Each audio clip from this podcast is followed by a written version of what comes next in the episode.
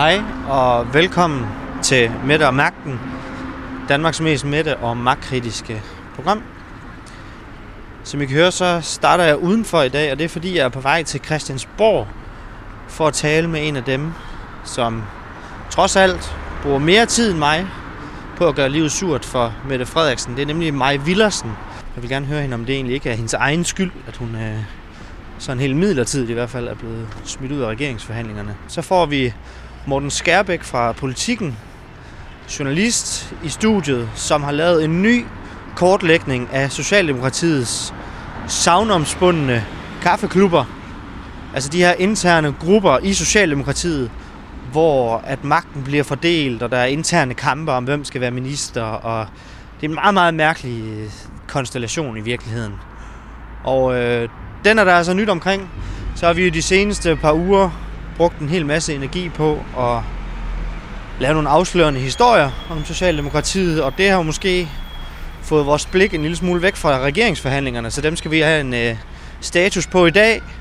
Jeg spørger Benny Damsgaard, tidligere kommunikationschef i De Konservative, hvordan Mette Frederiksens arvefjende nummer et i valgkampen, Søren Pape, nogensinde skal slippe levende fra og være med i forhandlingerne.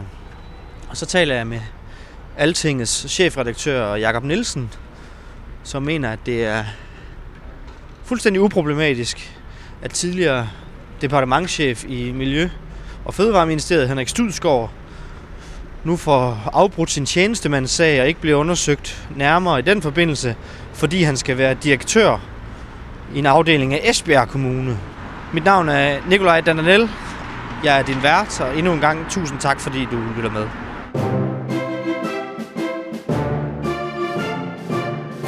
Først så vil jeg jo byde velkommen til en, som bruger endnu mere energi lige for tiden på at gøre livet surt for Mette Frederiksen, end jeg gør. Det er dig, Maja Villersen, politisk ordfører for Enhedslisten. Ja, det kan man godt sige. Hej.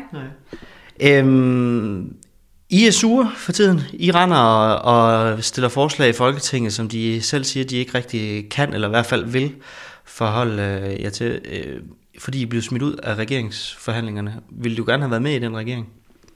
Nej, i hvert fald ikke i en regering med partier for Blå Blok. Det synes jeg er helt forfejlet, og det er jo også det, vi bruger en del energi på nu at fortælle Mette Frederiksen og hendes vælgere. Men det er jo regeringsforhandlinger, I er, I er ude af. Og I har jo ikke øh, på noget tidspunkt sagt, at det kunne I egentlig godt tænke jer at være med i den regering. Så hvad, hvad er du egentlig så sur over? Vi mener, at Mette Frederiksen skulle bruge det røde, røde-grønne flertal, der er i Folketinget nu, og det er jo det, hun vælger fra, så det synes jeg selvfølgelig er rigtig, rigtig trist, fordi vi kunne lave en masse gode ting i fællesskab, investere i vores velfærd, hjælpe dem, der har mindst i vores samfund, lave grøn omstilling i meget højere omfang, end hun kommer til med de blå. Og det er jo derfor, vi er rigtig frustrerede. Så bare lige at forstå, det, som I skaber så meget ballade over lige nu, det er ikke, at I ikke selv kommer med i regeringen, men I vil gerne bestemme, hvem der skal være med i regeringen, selvom I ikke selv er med. Vi synes, Mette Frederiksen skulle bruge det røde-grønne flertal. Det er det, vi mener. Og det kan vi selvfølgelig ikke bestemme. Det ved vi godt, men vi kan da øh, påpege, hvor stor en fejltagelse det er, hvis ikke hun bruger det flertal, hun har. Ja. Noget andet, jeg godt kunne tænke mig lige at tale med dig om, det er, om I egentlig bare ligger, som I har ret. Altså om det er jeres egen skyld, at I står her. Fordi I simpelthen, øh, hver gang, at Mette Frederiksen har haft brug for jer, så ligegyldigt hvad I er blevet udsat for i den regeringsperiode, der lige har været, så er I vendt tilbage. Altså er der en, en del af det her, som peger tilbage på jer? Nej, det mener jeg faktisk overhovedet ikke, der er. Ingenting? Altså, det er Mette Frederiksen, der har et rødt-grønt flertal, og det er det, hun vælger fra. Man kan selvfølgelig diskutere, hvordan vi har ageret på forskellige spørgsmål i den sidste tid, men hvis Mette Frederiksen øh, synes, vi havde været så lette at danse med, som du indikerer, så var der da ingen grund for hende til at gå den anden vej. Men hun er jo ikke endt derovre endnu, men det, jeg har givet hende mulighed for, det er at forsøge at lave så god en aftale som overhovedet muligt med Jakob Ellemann, Søren Pape og Alex Vandopslag, og hvem der ellers nu sidder af hvad skal man sige, utraditionelle regeringsforhandlere derovre lige nu. Og det er vel fordi, at hun ved, at lige så snart, at det ikke lykkes med dem, så kan hun komme tilbage til dig, og så kan hun sige, så gør vi det igen, og så, er du, så står du der igen. Nej, og det ved hun udmærket godt, at så let er det ikke. Øhm, et, nogle eksempler på det her. Jeg har, har været i øh, støtteparti for hende i, øh, i tre år, og nu har jeg bare lige lavet sådan en kort liste, jeg har ikke brugt flere dage på det, men nogle af resultaterne herfra, hvor I er blevet ved med at bakke op om uh, Mette Frederiksen. Uligheden er steget til rekordhøjder. Mærkesag, enhedslisten. Danmarks største CO2-udleder fra Mette Frederiksens valgkreds fik uh, rabat på deres CO2-udledning. Det er også jeres mærkesag. Regeringen skjulte PT's trusselsvurdering, øh, da de der sagde det stik modsatte af, hvad de selv gjorde i forhold til børnene i Syrien. Der sidder stadigvæk nogle børn i, i Syrien. Det er også noget, der betyder meget for enhedslisten. De greb ind i sygeplejestrækken og gav dem et øh, honninghjert. Jeg vil ikke sige en fuckfinger, men en metaforisk en måske. Også en mærkesag. Hun har brugt tre år på at forhandle en aftale om et modtagscenter i et centralafrikansk diktatur. Altså, og det har jeg også givet hende lov til. Øh, de lukkede et helt erhverv uden øh, lovhjemmel, og der var ikke nogen i koordinationsudvalget, der kunne huske en skid af, hvem der besluttede hvad. De slettede deres sms'er omkring det. Ups. Altså hver gang de her ting er sket, I sidder der alligevel, I har siddet der tre år i træk, så selvfølgelig så kan hun da som det nemmeste forsøge at, få, at forhandle et regeringsgrundlag med Jacob Ellemann nu, fordi hvis I står alt det her igennem, så står I der også, når hun er færdig. Du får det jo til at lyde som om, at vi bare har siddet og nikket og klappet af de der forskellige ting, og der ikke har været nogen politiske konsekvenser, og det er jo fuldstændig fejlagtigt. Men resultatet er jo, at hun har været der tre år i træk, på trods af alle de her ting, og der er sikkert mange flere, hvis der er nogen, der bruger mere tid på at finde flere sager. Det er fuldstændig rigtigt, at der er masser af områder og sager, hvor vi har været i stor konflikt med Socialdemokratiet, og nej, det har ikke betydet, at vi har væltet dem. Fordi vores bundlinje var det forståelsespapir, som er, og når du, når du nævner nogle af de der sager, så synes jeg også bare, at det hører med til historien, at grunden til, at vi fik en CO2-afgift, det skyldes i høj grad enhedslisten. At den er indrettet idiotisk på nogle punkter, det er fordi, der var et flertal i Folketinget, der ville det. Det synes jeg er dumt.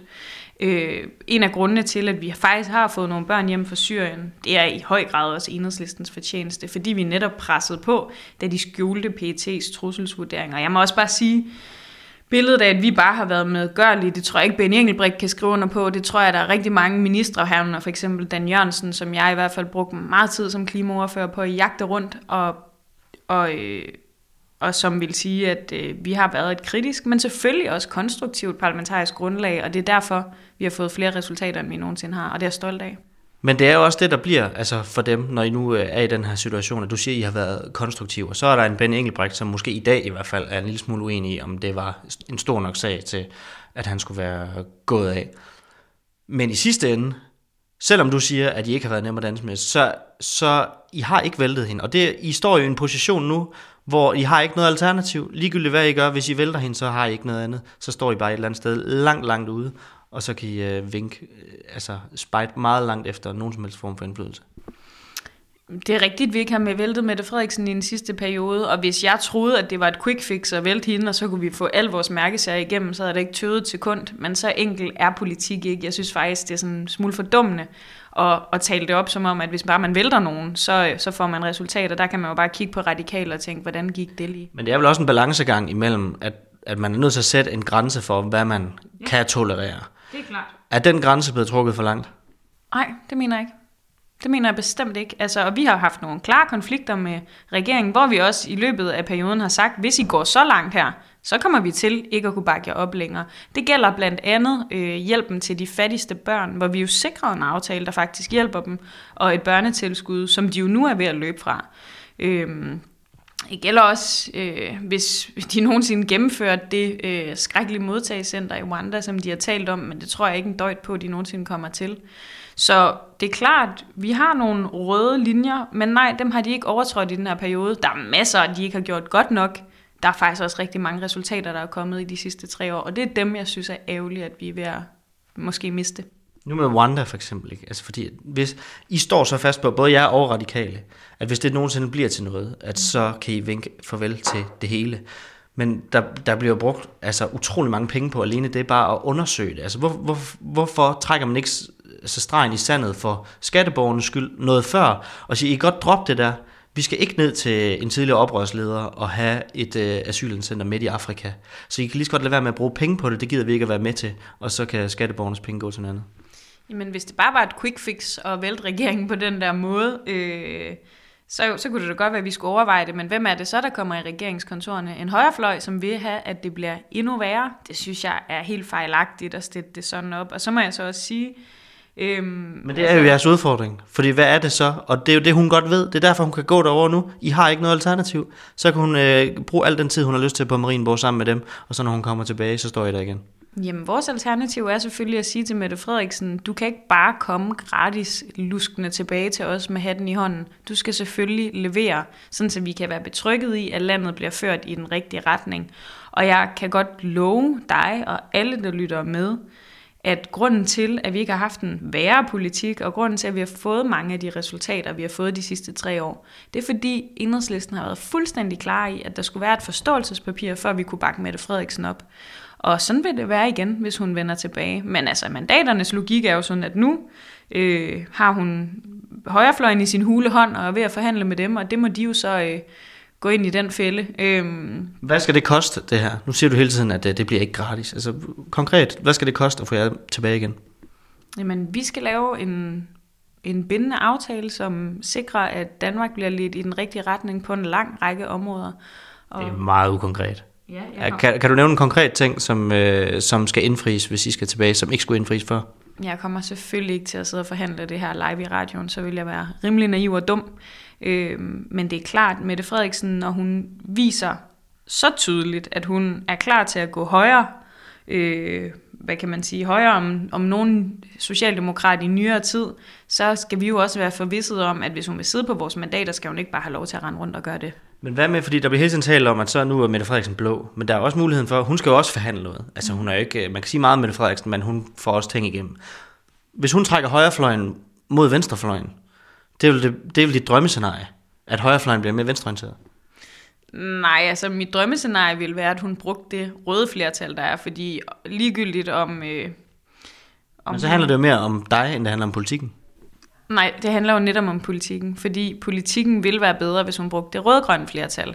Som om, at Jakob Ellemann og Søren Pape kommer til at lave super meget øh, klimahandling. Altså sidst deres partier sad i regeringen, blev Danmark kåret som fossil på et klimatopmøde. Altså, de har landbruget meget tæt på sig, og derfor kommer der ikke den handling, der er behov for. Vores natur bliver ikke beskyttet lige så godt, som hun kunne. Vi kommer ikke til at få lige så store investeringer i velfærden, og altså, der er mange ting, der bliver sværere. Det er der ingen tvivl om. Men alligevel, altså hvis du nu kigger på Venstres øh, velfærdspolitik øh, hen over så altså, den er jo en til en nærmest socialdemokratisk. Altså over, over de store linjer, det er, der, det er den her, det er helt store drøm. Ja, i hvert fald når der er valgkamp, så må vi jo se, hvad det bliver i virkeligheden. Altså alle de år Venstre har siddet i regeringen i nyere tid, så er de jo skåret i velfærden. Så har der jo været omprioriteringsbidrag, hvor velfærden blev beskåret, og lurer mig om ikke, øh, de måske godt kan finde på sådan noget igen. Det er klart, det kan godt være, at det ikke bliver lige så vildt, som hvis det var en ren højrefløjsregering, men Mette Frederiksen har jo valget om at gå rødt, øh, og så vil hun slet ikke skulle sidde med, med de udfordringer. Det er jo fordi, hun selv vælger det. Og nu får du lige en, øh, sådan et benspænd. Du må ikke sige, hvad du håber. Tror du, at du får muligheden for at forhandle med hende igen i den her omgang? Nej, det gør jeg ikke. Det tror jeg bestemt ikke. Altså, jeg tror, at det her bliver en realitet, at der kommer en regering med, med blå blok. Øh, måske både K og V. Øh, det kan også være radikale øh, kommer med i samme ombæring. Så det tror jeg. Jeg tror ikke, hun kommer tilbage til os. Hvad bliver jeres rolle så i det næste stykke tid? Jamen, så bliver vi et oppositionsparti til den regering, og så skal vi jo være med til at forhindre mange af de ting, de vil øh, gennemføre. Jeg kan forestille mig, at der kommer nogle rimelig krasse reformer, som måske ikke viser sig lige fra starten, men som på sigt vil udkrystallisere sig i noget, der godt kan være ret øh, skidt for vores samfund, mener jeg, og det skal vi jo forsøge at forhindre og være et sted, der kan samle op på den vrede, som vil komme mod Socialdemokratiet. Tak for det. Selv tak.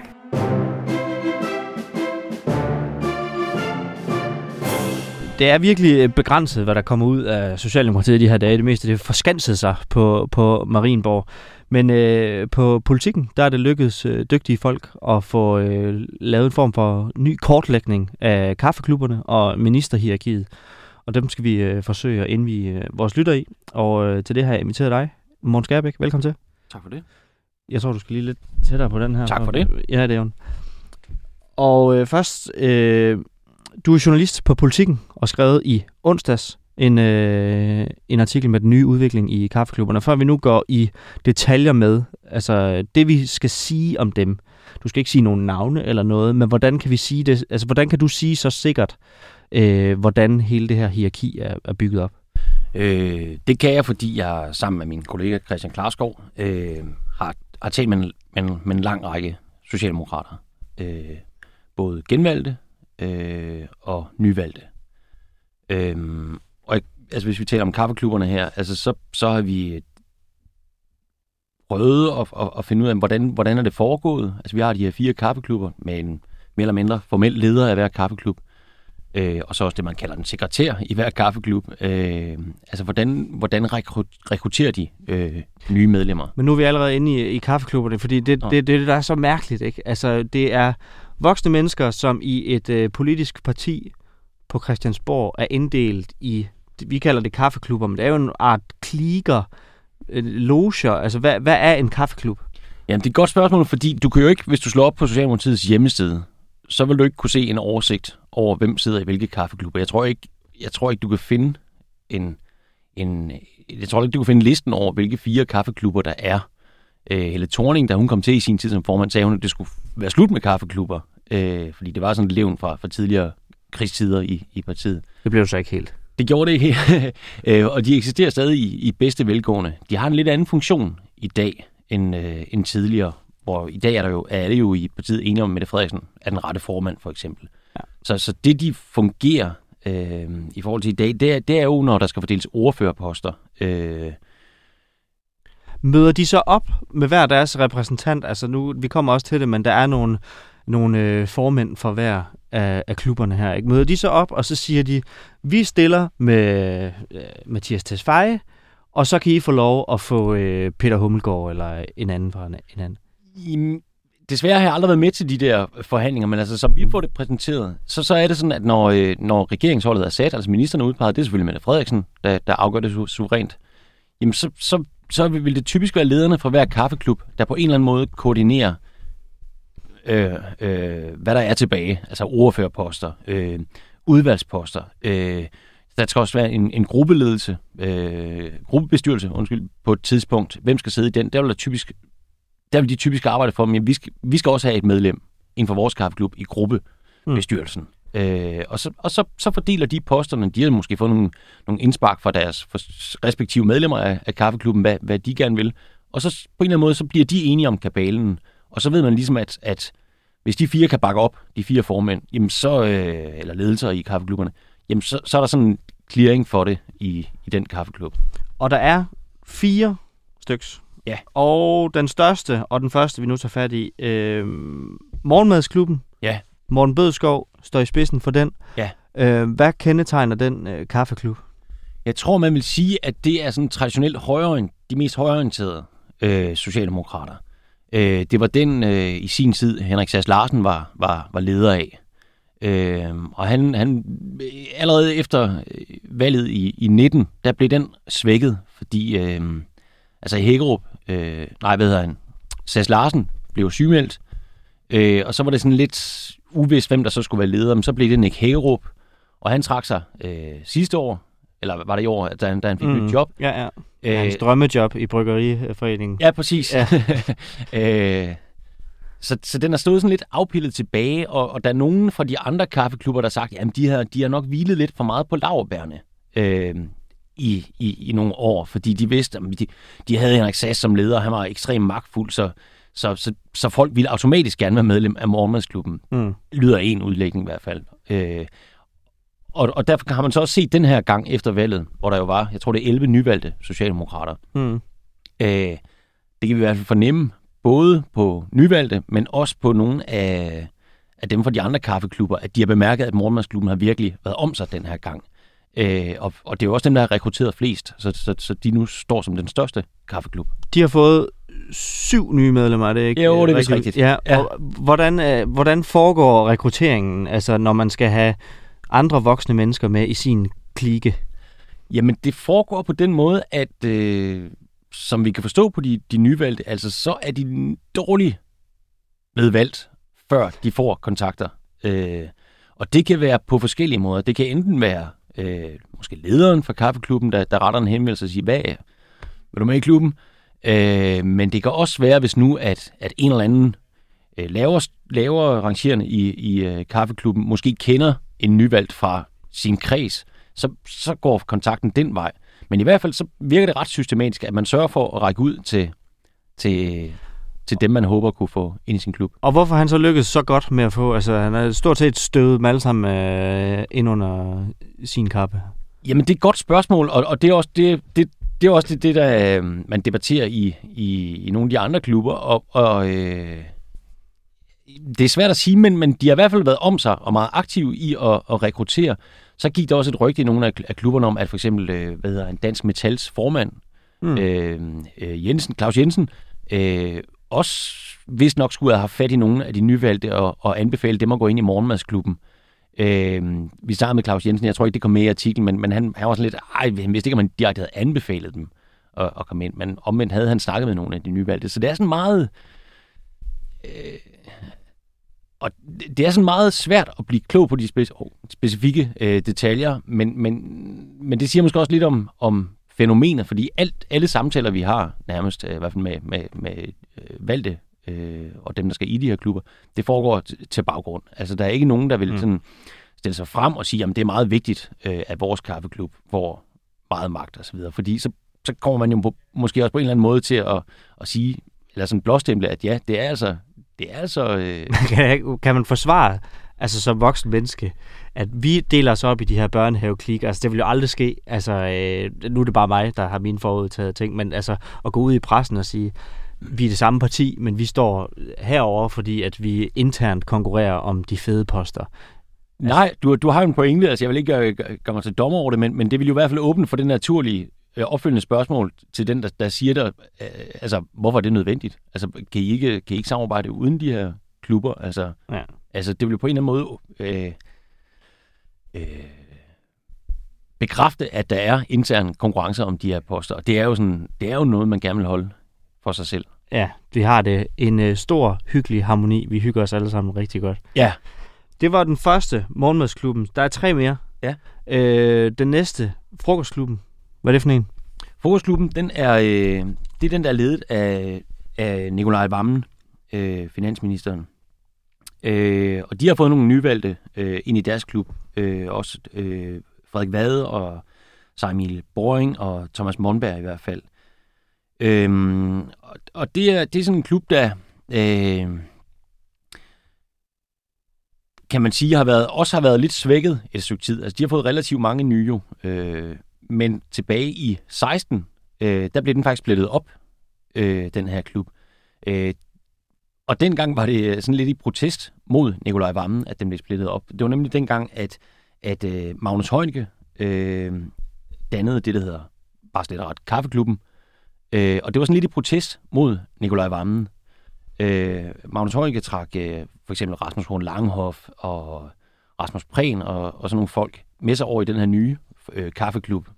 Øh, Hvad protesterede de over? Jamen, de protesterede over, at, at de synes, at Nikolaj Vammen, som jo allerede dengang var en del af, af partiledelsen, øh, lidt for meget talte ledelsens sag over for kaffeklubben, i stedet for at tale kaffeklubbens sag over for ledelsen. Mm. Så de synes ikke rigtigt, altså der, nogle sammenligner det med sådan en slags fagforening, øh, de her kaffeklubber. Altså man taler øh, sine egne medlemmers sag. Og det synes de simpelthen, han forsømte øh, dengang. Så, så hans eneste funktion var egentlig at forklare, hvad ledelsen mente, og så det er det, vi indordner til. Lige præcis. Lige præcis. Okay. Det, var, det var i hvert fald sådan, de så på det. Så dannede de den her fraktion, og det, det var der faktisk... Øh, det var jo ikke meget, noget, der kom meget frem i medierne. Der var ikke nogen, der, der, sådan, øh, der sagde til citat i, i medierne, at de var trætte af, af, af varmens måde øh, at gøre det her på. Men, men, men til baggrund var det ret dramatisk. Men de to ledere her, det er jo dem, som lige nu sidder øh, og laver forhandlingerne også sammen med Mette Frederiksen. Altså, det er jo to af de allertætteste øh, på hende. Men så har de hver sin kaffeklub, altså i det allerøverste magtspil. Altså, hvad betyder det?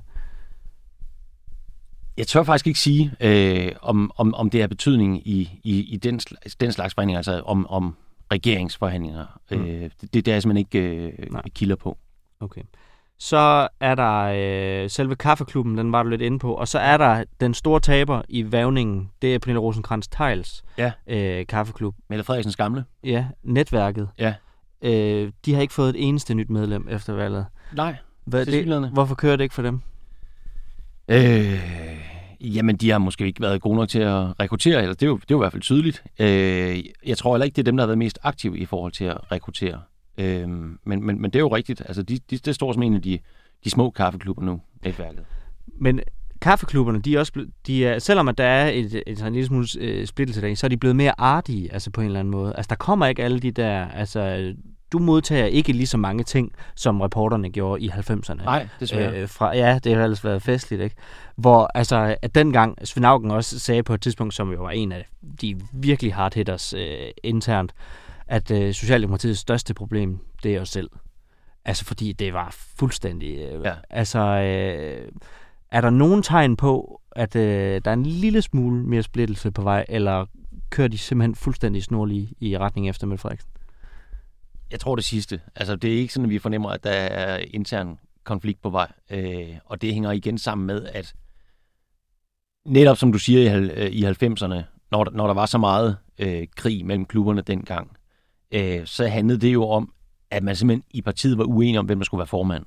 Mm. Øh, der var nogen, der var virkelig forbitret over, at, at Svend Auken blev væltet, øh, og kunne ikke holde Poul Nyrup ud. Så, så, men i dag er der jo ingen, øh, og, og, og det, det, det, det er jo også i kraft af, at de har fået et godt valg, og de står til at kunne genvinde statsministeriet. Der er jo ingen i partiet, der heller ikke til baggrund øh, siger, at de synes, at Mette Frederiksen burde skiftes ud. Nej. I hvert fald ikke til mig. Nej.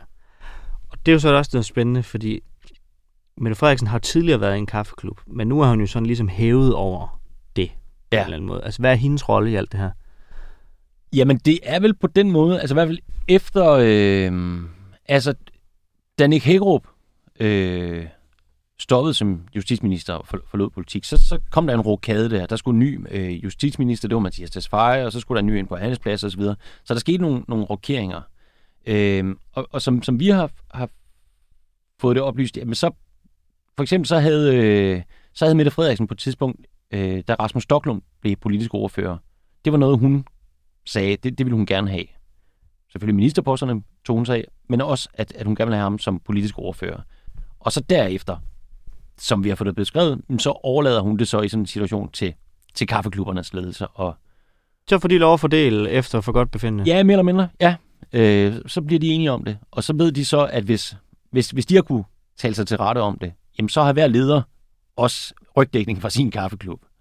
Øh, og så, så kan det ligesom konfirmeres på et, et, et gruppemøde, hvor alle så sidder. Altså, så, så risikerer man ikke der, at, at der sidder en eller anden forsmået øh, øh, lavere arrangerende kaffeklubmedlem i en klub, der siger, nej, det, det, det synes jeg ikke. Altså, så, så er det ligesom, Så har de fået lov til at blive enige om internt, Ja. ja. hvad de gør, fordi så Ja. kan det aldrig falde tilbage på hende heller. Nej, og, og man kan sige, det, altså det er også en praktisk foranstaltning, fordi hvis 50, eller hvor mange de er nu, øh, folketingsmedlemmer på et stormøde skulle diskutere sig frem til, Ja. hvilke ordførerposter skal vi have, øh, så kunne det nok blive lidt, lidt besværligt. Ja.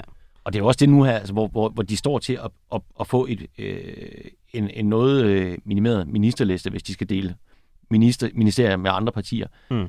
Jamen, så ved man jo også godt nede i gruppen, altså dem, der ikke er minister i dag, de ved jo godt, okay, lige om lidt, så kommer der måske et par håndfulde, eller en eller to håndfulde minister, der skal forlade deres ministerpost, så de vil nok typisk skulle have nogle gode poster, i, Og- altså ordførerposter. Ja. Øh, og det gør jo så, at, og det er også derfor, de ikke har fordelt ordførerposter nu, fordi de ved godt, jamen, der kommer altså nogen, der, der, der nok tager toppen Ja. ja. af, af det sjove, ikke? Ja, og så falder der noget af, så man er nødt til at få en, en ordførerpost. Præcis. Men det er jo så også noget andet, du, øh, eller I skriver om, du har skrevet den sammen med Christian Klarskov. Øh, det er, at der er også et ministerhierarki, øh, som er opdelt i sådan et kuglerammesystem, beskriver du. Hvad, hvad betyder det?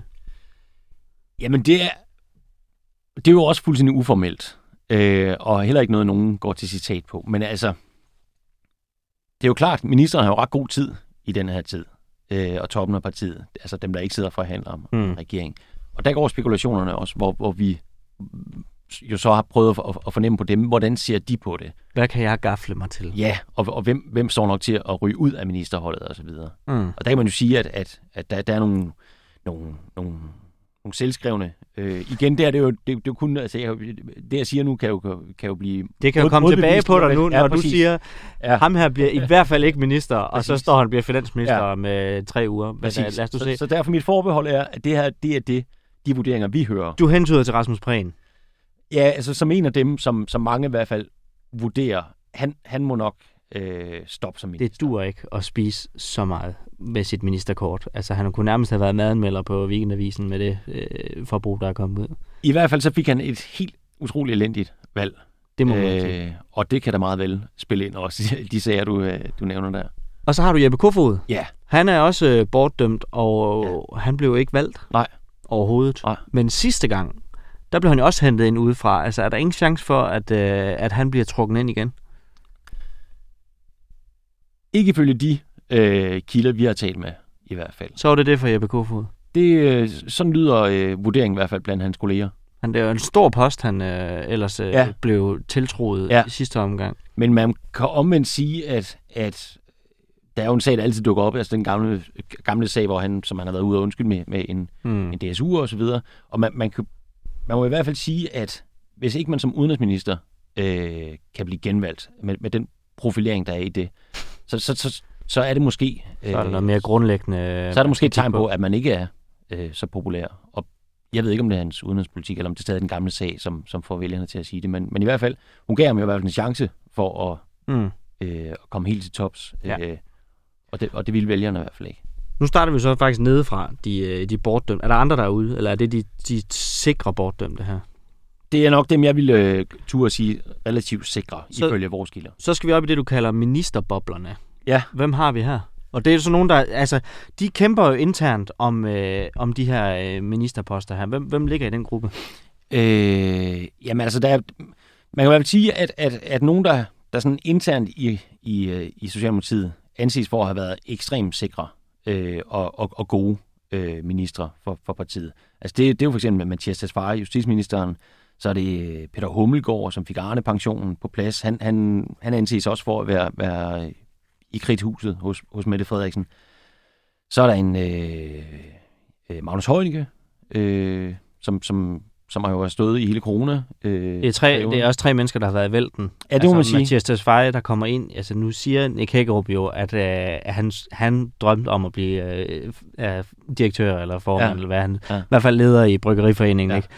Men den post, Mathias Tesfaye, altså, der var virkelig mange stinkende sager, Ja. ja. så han skulle forholde sig Ja. til derovre. Så det må også give lidt kredit, altså Ja. nu her igen, og Ja. have varetaget den. Og plus, at, at han var øh, udlændingeminister i den første lange periode i ja. Regeringen, og, og tror jeg i, i S-optik er kommet ret langt i forhold til hele Rwanda-projektet for eksempel. Mm. Øh, så så, så han, han anses også for at være øh, vældig Ja. helt i toppen. Og hvad, den er, det er større, den gruppe her, end de, de tre øh, gutter her. Hvem, hvem er mere? Jamen, så kan man sige en, øh, en, en Ane Halsbo Jørgensen, kulturministeren, øh, er der også flere, der, der, der, der vurderer, øh, at kan sove trygt. Øh, Men Øh. sjovt ikke, fordi at kulturministerposten jo ellers ikke er Socialdemokratiets yndlingspost. Altså, Ja, det er jo en post, er- som ja. ikke sådan for alvor altså, øh, bliver jublet over. ja, Ja, det kan du sige. Øh, der er også nogen, der peger på, at, at, at hvis, hvis Mette Frederiksen skal udpege øh, måske 10 ministre, altså, så der skal også være nogle, nogle, nogle kvinder på. Er der, er der nogen, der, der nævner som et, som et yderligere argument for, for Anne Helsbo? Ikke fordi det er hendes eneste øh, øh, øh, kvalitet øh, på ingen måde, men, men, men, men det er nogen nævner i hvert fald, at, at øh, Men en lille fordel. Måske ifølge nogen, ja. Øh, jeg tør ikke sige det. Øh, der er også en Pernille Roskrantz Tejl, som måske kunne, kunne, øh, kunne være, være på, på holdet. Øh, men der er også altså, så er der nogen, der haft altså, en kort dybvad, øh, Mm. altså også øh, en af dem, mange regner med, har, har gjort det øh, godt. Det er meget ideologiske profil. Præcis. Ja, han er, altså, han er jo sådan lidt en, han er jo sådan lidt en ja, øh, partiideolog på en eller anden måde, har skrevet bøger og sådan noget, som, som har vagt opsigt og er taget godt imod i partiet. Og han har også taget en post, hvor at, uh, ligegyldigt om det så har været venstre, eller, men så er det jo en post, hvor man ligesom er nødt til at ud og tage nogle tæsk. Ja. Altså hvor man skal forsvare en Ja. ja. linje, som måske ikke er på, i integrationsministeriet, som måske ikke er typisk socialdemokratisk. Mm. Øh, så igen får han måske også lidt øh, point. He, helt i toppen, de allermest sikre, dem du tør at lægge hovedet på blokken på, at øh, de bliver ministre. Hvem har vi der? Altså, jeg bliver en, meget overrasket, hvis uh, Mette Frederiksen selvfølgelig, men jeg bliver også overrasket, hvis ikke, uh, hvis ikke Nikolaj Vammen Mm. bliver minister. Jeg bliver også meget overrasket, hvis ikke Morten Bødskov bliver minister. Det er de to Ja, det, aller, allermest sikre. hmm, det kan ramme mig. Ja. I, I hvert fald ifølge de kilder, øh, vi har talt med, så, så, så er det dem, der bliver peget på som, som, som meget sikre. Okay. Hvor, øh, hvor kommer det til at... Altså, det vilde ved det her, altså de her interne magtkampe, hvor, øh, hvor kan de få nogle udfordringer i øh, fordelingsrummet? der skal ske lige om lidt. Uaf, altså det er jo spændende, hvem de skal øh, deles alle ministerposterne med, om det kun er med Venstre, om det er også med SF, eller, men internt, hvor, hvor kommer knasterne til at være? Jamen, det kan vel være der i, at der sikkert der sidder nogen i, eller det gør der, der sidder nogen i gruppen, som i lang tid har synes, de måske var lidt overset øh, i forhold til at få de gode poster. De synes måske endda, at de burde have været ministre. Øh, så kan de se frem til nu, at jamen, der skal faktisk være endnu færre ministre. Så nogle af de ministre, der i, i dag sidder og så skal ned i gruppen, jamen de sætter sig måske på de gode, på de bedste poster ned i gruppen. Så jeg måske kommer endnu længere ned i, i hierarkiet. Der er også nogen, der taler om, at man måske skal til at dele nogle ordførerposter op, altså ordførerskaber op, sådan at man måske kan, i stedet for at have en undervisningsordfører, så kan man have en gymnasieordfører en erhvervsskoleordfører. Øh, så det er de tanker, der, der meget øh, florerer derovre på borgen nu her, at i, i, i ventetiden, kan man sige. Hvornår er det slut med al det her spekulation? Dato? Hvornår har vi en regering? Inden jul. Står det? Ja, det tror jeg. Nå, så skal der til at ske noget. Altså fordi de ja. er langt tilbage i... Øh, ja. Og så bliver det jo også den brede. Altså fordi ellers skal de til at starte forfra med enhedslisten og alternativet. Ja. Okay. Det, er mit, øh, det, er mit, det er mit bud. Politisk analyse her til slut. Tusind tak, øh, Morten Skærbæk, fordi du kom forbi. Det er godt.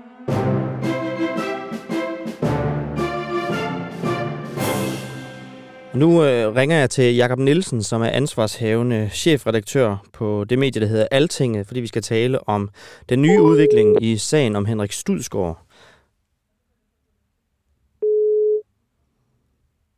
Det er Jacob. Det er Nikolaj inden for 24 Hej Nikolaj. Øhm, jeg ringer, fordi at øh, jeg gerne vil tale lidt med dig om øh, tidligere departementchef i øh, Miljø- og Fødevareministeriet under øh, minkskandalen, Henrik Studsgaard. Øhm, ja. på, på grund af den nyeste udvikling. Han er nemlig blevet ansat som direktør i Teknik og Miljø i Esbjerg Kommune. Øhm, og på grund af det, så øh, forsvinder hans øh, tjenestemandssag, fordi han nu ikke er i, øh, i staten længere. Men det mener du ikke, der, der som sådan er noget i vejen med. Er det, er det korrekt øh, udlagt? Øh, jo, altså jeg ved ikke, om jeg har så skarp holdning til det. Jeg synes i hvert fald, at man skal passe på med at benytte det til at sprede konspirationsteorier om, at der er et eller andet form for aftalt spil, som jeg synes, nogen lidt på sociale medier har været i gang med. Det, det synes jeg ikke helt, der er basis for. Hvor, hvor ser, hvordan ser du det? Øh, hvordan ser jeg, at der Jamen, bliver spredt konspirationsteorier? Ja, altså hvilke konspirationsteorier er det, du, øh, du mener? Jamen, jeg synes, jeg lagde mærke til, at der var for eksempel en, en chefredaktør for Jyllandsposten, der, der, der skrev et tweet, hvor hun kaldte det cirkusretsfølelse, og, øh, og brugte klovne-emojier og sådan noget. Klart antydet, at det her, det var sådan en slags, en slags, en slags skandale i skandalen, og det kan jeg ikke følge, at det er en skandale, fordi at, øh, at det er sådan set bare en mand, der siger sit job op, og dermed, øh, dermed bortfalder sagen jo, fordi at, øh, at den, øh, den disciplinære sag, der var imod ham, havde som sin værste konsekvens. Det er ikke sikkert, det ville gå så galt, men som sin værste konsekvens, at han kunne blive fyret. Så det svarer jo lidt til at sige, at hvis en fodboldspiller er blevet skiftet ud af banen, så kan han ikke bagefter øh, blive vist ud, så er han jo gået ud.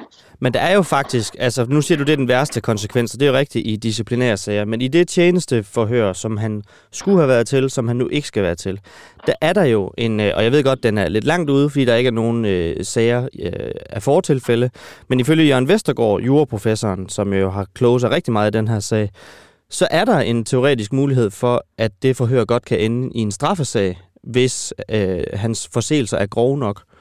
Øhm, så det, at det ikke bliver undersøgt, og så kan det godt være, at den risiko er spinkel, men det fjerner jo fuldstændig muligheden for, at, at det i hvert fald bliver undersøgt. Øh, jeg, jeg synes, det virker ekstremt hypotetisk og teoretisk, det her, fordi der er jo ikke noget, der er ved at blive undersøgt.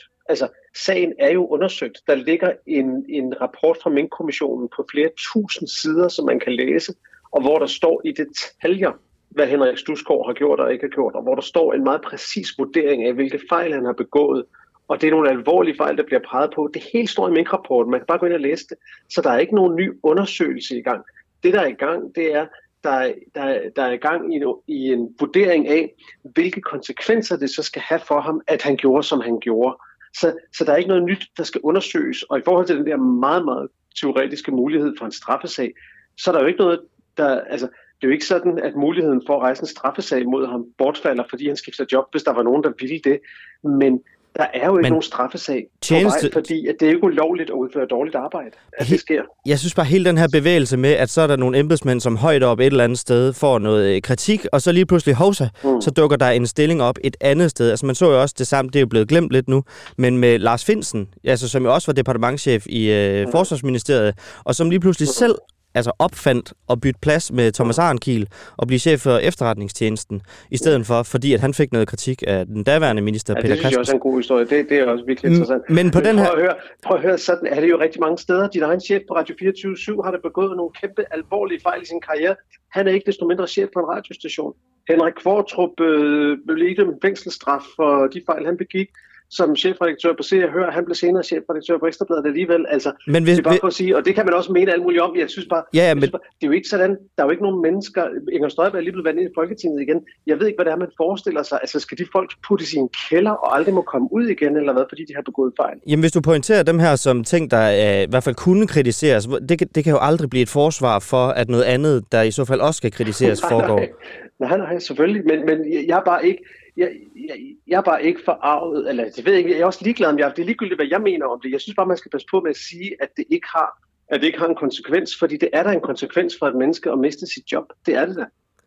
Mm. Der er også nogle, øh, der er, der er fedt, eller det gør der ikke mere, men der fandtes øh, minkavler i Esbjerg Kommune. De skal så nu øh, mm. se på Henrik Studsgaard, han skal forvalte hele deres teknik- og miljøbudget, altså øh, uden at han er blevet undersøgt færdig. Altså retfærdigheden i det, den skal jeg i hvert fald spejde noget langt det, efter. Det, det, det, jeg synes, du siger noget forkert. Han er undersøgt færdig. Altså sagen er undersøgt. Hans, tjeneste, der. hans, tjeneste, hans tjenestemandsag er der ikke færdig. Den er afbrudt. Jamen, der er ikke nogen tjenestemandssag, når han ikke arbejder der længere. Altså, fordi tjenestemandssagen handler ikke om at undersøge noget. Det er det, jeg tror. Det er det, jeg tror. Der er sådan en grundlæggende misforståelse. Det er som om, det er lidt det samme som diskussionen om den der advokatvurdering af Mette Frederiksens rolle, som om, at der skulle undersøges noget igen. Men prøv at høre, der er ikke nogen, der taler om at undersøge mere. Undersøgelsen er færdig, den er lavet, den ligger der, man kan læse den, der der står, og der står alvorlig kritik af Mette Frederiksen, alvorlig kritik af Henrik Studsgaard, alvorlig kritik af Barbara Bertelsen, og det har forskellige konsekvenser for dem. Og jeg synes, det er fint at diskutere, om de konsekvenser skal være hårde eller ikke hårde, men men, men, men der er ikke mere, der skal undersøges, så det er forkert at sige, at han, at han ligesom har fået afbrudt en undersøgelse ved at skifte job. Det har han altså ikke. Men selve konsekvensen, altså hvilken konsekvens det offentlige skulle drage mod Henrik Studsgaard, det stopper jo nu, for den, det kan godt være, at du siger, at han er blevet undersøgt, men hvilken konsekvens det skulle have i sidste ende, er jo ikke blevet undersøgt. Nej, men jeg, jeg har bare svært ved at se, hvad alternativet skulle være. Altså hvis, altså, hvis, man, hvis, hvis, hvis man begår en fejl på sit job, det gælder for os alle sammen, uanset om vi er departementchefer, eller journalister, eller chefredaktører, eller kassedame ned i Føtex, eller hvad man kan være. Så hvis begår en fejl, så er der nogle ting, så kan den fejl have nogle konsekvenser. Det kan være, at chefen kommer og siger, det der skal du virkelig ikke gøre igen. Det kan også være, at chefen kommer med en skriftlig advarsel og siger, næste gang, så er det ud. Eller det kan være, at chefen siger, ved du hvad, den fejl er så stor, at du får ikke længere lov til at sidde i kassen. Fra nu af, så står du nede ved flaskeautomaten, eller hvad det nu kan være. Jamen, det Men hvis den kassedame eller journalist siger, jeg, jeg tager et andet job, så er det jo klart, så bortfalder jo konsekvensen, for så kan arbejdsgiveren jo ikke tro med noget mere, så har arbejdsgiveren ikke nogen. Altså jeg synes, det er ret banalt sådan set. Men det er fordi, man siger, at en arbejdsgiver, det er staten, og så er Esbjerg Kommune, det er jo en anden arbejdsgiver. Men altså, det er jo i ja, sidste ende... Så, ja, det er fuldstændig korrekt. Men i sidste ende, så er det jo altså skattepenge, øh, han sidder og forvalter. Og det kunne jo godt være en konsekvens, at man siger, at hvis lovhjemmel ikke er top of mind, når man sidder i en situation, som han gjorde på det tidspunkt, så kunne det godt være, at man ikke skulle være i en ledende stilling for skattekroner længere. Men så synes jeg bare, synes jeg bare hvis det er din pointe, så synes jeg bare, at dit interview her jo burde være med, med kommunaldirektøren i Esbjerg om, hvordan de kan ansætte en mand, som har begået så alvorlig en fejl. Det er jo en fin diskussion at tage, om de kan ansætte, ligesom man kunne interviewe øh, politikens husets ledelse om, hvordan de kunne ansætte en Kvartrup som chefredaktør eller andre. Altså, det er jo en fin diskussion. Jeg synes bare, det, det er forkert, når præmissen, som jeg lidt synes var din præmis her, og jeg synes, at andres præmis på sociale medier er, at det er ligesom om, at han er sluppet for noget. Han er ikke sluppet for noget. Han har mistet sit job, og nu har han fundet sig et andet. Altså, men du kan da godt diskutere, om, om Esbjerg burde have ansat en dygtigere jurist end Henrik Stusgaard. De må have vurderet, at han var den dygtigste, de kunne få. Det går jeg ud fra. Men det kan man jo spørge dem om. Det må vi øh, forsøge at få i, i støbeskeen. Jakob Nielsen, øh, ansvarende, ansvarshavende chefredaktør på Altinget. Tusind tak, fordi du var med. Selv tak.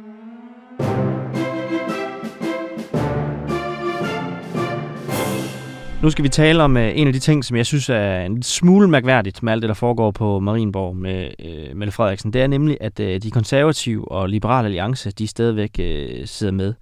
Og for at prøve at finde ud af, hvad der er, der sker, så har jeg allieret mig med den bedste til at finde ud af, hvad der foregår. I hvert fald med det konservative. Nemlig tidligere kommunikationschef i netop de konservative, Benny Damsgaard. Velkommen til. Tak for det. Kan de konservative på nogen måde slippe levende ud af at gå med i en regering med Mette Frederiksen? Mm, det kommer an på, hvem du spørger. Hvis du spørger dig. Øh, ja, men altså, øh, igen, det, øh, altså, hvis, hvis du spurgte Folketingsgruppen, hvis du spørger Pape, så tror jeg godt, han mener, at det kan man godt komme levende ud af. Altså, at det giver mening øh, at gå ind i en bred regering over midten. Øh, blandt andet af den årsag, at alternativet er stå udenfor og være, dermed kan man sige, være et kritisk, relativt ubetydeligt oppositionsparti. Det er værre end de øh, tæsk, man får ved at gå ind og, og, øh, og tage ansvar og være en del af en regering. Men hvis du spørger folk i baglandet, altså for eksempel i hovedbestyrelsen eller i borgmesterkredsen, så vil analysen være en anden. Der er man, der er man massivt modstander af en, en regeringsdeltagelse og vil hellere se, at man står udenfor. Så det kommer an på, øh, hvem du spørger, fordi de sidste vil mene, at det kommer man ikke godt ud af, og det vil man blive klemt i, og, og man vil skulle gå på meget, for meget på kompromis. Så, så ja, det kommer an på, hvem du spørger. Under valgkamp, der, der var ikke større modsætninger end de to. Altså til en af de sidste, nu kan jeg ikke huske, hvilken en af statsministerdebatterne, der stod, stod Søren Pape, da han skulle give sin undskyldning til, til øh, Grønland for at have kaldt det Afrika på så råbte han ind i skærmen, altså meget indineret i raseri. Jeg vil gerne kigge ind i kameraet nu, og så vil jeg sige, at jeg kan godt indrømme fejl. Undskyld til Grønland og grønlændere, fordi jeg sagde noget meget firkantet. De burde ikke have gjort. Mette Frederiksen, kameraet er der. Værsgo og sige undskyld til de minkavlere, der har mistet hele deres erhverv og hele deres liv. Og til skatteyderne, der har tabt 19 milliarder kroner. Det er lige der. Og altså, det har ikke skortet på, øh, ikke fornærmelser, men øh, i hvert fald modangreb den anden vej. Søren Pape vil fyre 40.000 ansatte. 40.000, det er godt nok mange sygeplejersker og mange sosuer. Og har du og det der... Og nu sidder de så og forhandler regering. Altså, hvordan, hvad, hvad skal han have med, hvis vi taler rent politisk derfra, for at forsvare øh, at han ikke er i den modsætning, som han var for tre uger siden? Øh, altså, det tror jeg under alle omstændigheder, uanset hvad øh, han kommer hjem med, øh, så vil der være nogen, der mener, at han har solgt ud. Og man skal have noget meget stort symbolsk med hjem, som man kan bruge til at, at forklare over for, for skeptikerne øh, internt om, at det var en god idé, at man gjorde det. Hvad er det nøgleprojekt, øh, som man skal have med hjem derfra. Altså den gevinst, den ene ting, man skal kunne fremhæve, hæve op som en pokal, når han træder ud af dørene der øh, ved siden af Mette Frederiksen som ny minister. Hvad skal han have der, for at det, det skal kunne retfærdiggøres? Ja, altså... Øh, hvis man kigger på nogle af de ting, der har været omtalt og været på bordet, så spørgsmålet omkring for eksempel en hævelse af topskattegrænsen. Du kunne simpelthen sætte skatterne ned, så de folk, der er i arbejde lige nu, kunne holde noget mere til sig selv. Øh, det er jo noget, som Venstre er begyndt at i talesætte som en indrømmelse for dem. Så det vil være en, øh, det vil være svært for de konservative kommer og hævde, at det er noget, som de har fået forhandlet ind. Og i det hele taget har de jo det, den udfordring er meget den, på den økonomiske og politiske dagsorden, og i det hele taget meget politisk, der ligger V og K jo relativt tæt på hinanden. Så, så det er nede i, i marginalerne. Så vi er nok over i noget, øh, en muligt bud på det kunne være sådan noget som som arveafgiften, altså for familieejede virksomheder. Vi konservative vi vil fjerne al arveafgift, og vi vil fjerne al generationsbeskatning på private virksomheder. Den nuværende regering, eller i hvert fald da den, da den var regering, nu den fungerende, øh, fjernede den, øh, den lempelse, som, som VLAG-regeringen har givet på det her område. Det kan jo være en mulighed, men man kan, man kan jo omvendt også godt diskutere, hvor folkeligt er det at give en skattelettelse til i forvejen meget velhavende familier, der ejer store virksomheder. Men der er vel også en mulighed i det for ham her.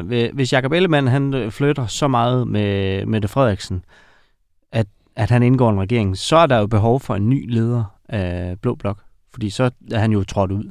Og nu han har lige meldt sig som statsministerkandidat. Det gik så ikke sådan ski godt. Men altså, øh, så er det vel der, han skal ind og være den store løve på savannen igen. Jamen, det kunne være en mulighed, men, men der er der jo bare det arbejde bare, og det er det, som, som gør tilværelsen i, i øh, som mindre oppositionsparti øh, ikke specielt tillokkende, det er, at, at både Danmarksdemokraterne og Liberale Alliance er jo langt større end det konservative folkeparti på nuværende tidspunkt, øh, og, øh, og, og man er lige kommet ud af et, et valg med hvor man fik en på Sinkadusen. Ikke? Vi har tabt en procent, ja. Vi ser ud til at tabe to mandater. Det er jeg nok den, der allermest ærgerlig over. Og man kan allerede nu se, øh, for eksempel øh, Pernille Vermund være meget kritisk over for, øh, for Ellemann og, og, tenden, og, og trangen, eller øh, hans mulige regeringsprojekt, øh, meget kritisk, der det samme har, har Støjberg i sig også allerede været. Så, så altså det er, det er jo det scenarie, han kan kigge ind i, at han skal stå derude og, og i bund og grund konkurrere om at kritisere.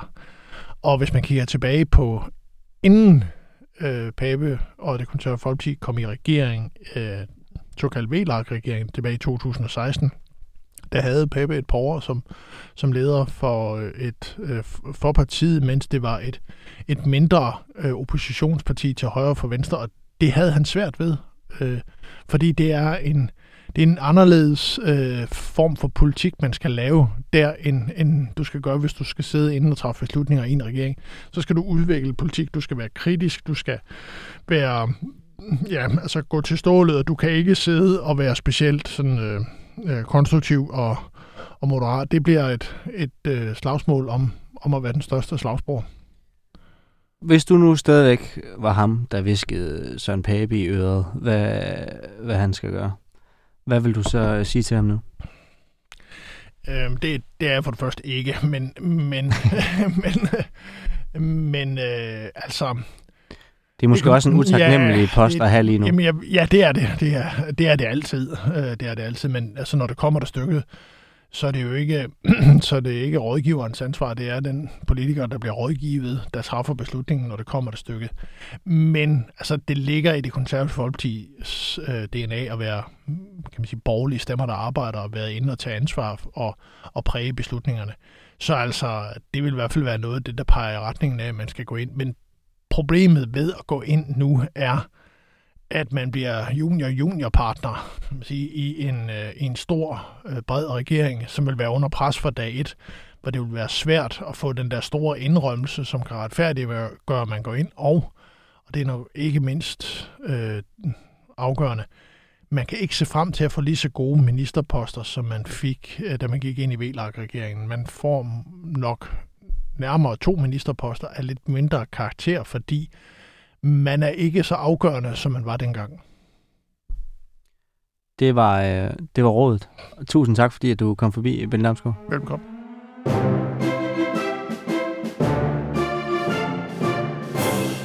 Og så skal vi som sædvanligt til ugens Astrid, der normalt i hvert fald gives til en socialdemokrat, der udviser særlig partiloyal adfærd. Men hvis nu bare man er ivrig nok efter at komme i regering, så kan man lige pludselig se sig selv gøre partiloyale ting, for Socialdemokratiets bedste i sådan en grad, at man får ugens Astrid. I denne uge går prisen til aftageren for Sofie Karsten Nielsen, nemlig den evig pragmatiske leder af Radikale Venstre, Martin Lidegaard. Først så var Mette Frederiksen så magtfuldkommen, at hun ikke længere kunne være statsminister, men nu er der altså kommet andre surdejsboller på Hokkaido-suppen. Ingen forstår rigtigt Socialdemokratiets undskyldning for ikke at forlænge det børnestilskud, som de selv har foreslået, og som de så nu har undladt at stemme for i Folketingssalen. Men Martin Lidegaard han stemmer nu i Peter Hummelgaards kor med klagesangen om, at man ikke kan stemme nye ting igennem, når der er regeringsforhandlinger. Det er altså selvom, at der ikke er noget som helst, der står i vejen for, at Folketinget vedtager ny lovgivning, selvom der er regeringsforhandlinger. Og slet ikke, hvis regeringspartiet selv har foreslået det. Men på den anden side, hvis nu der skulle være bare et eneste parti, der skulle forstå, at man stemmer mod sit eget lovforslag, så er det selvfølgelig de radikale venstre.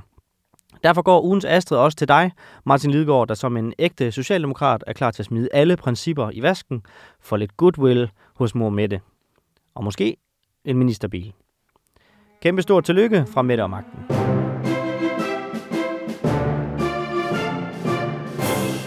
Auf Wiedersehen. Der er meget mere Mette og Magten i næste uge. Husk at skrive til os på mette-magten 247.dk, hvis du har tips, ris eller ros. Mit navn er Nikolaj Dandanel. Tusind tak, fordi du lyttede med.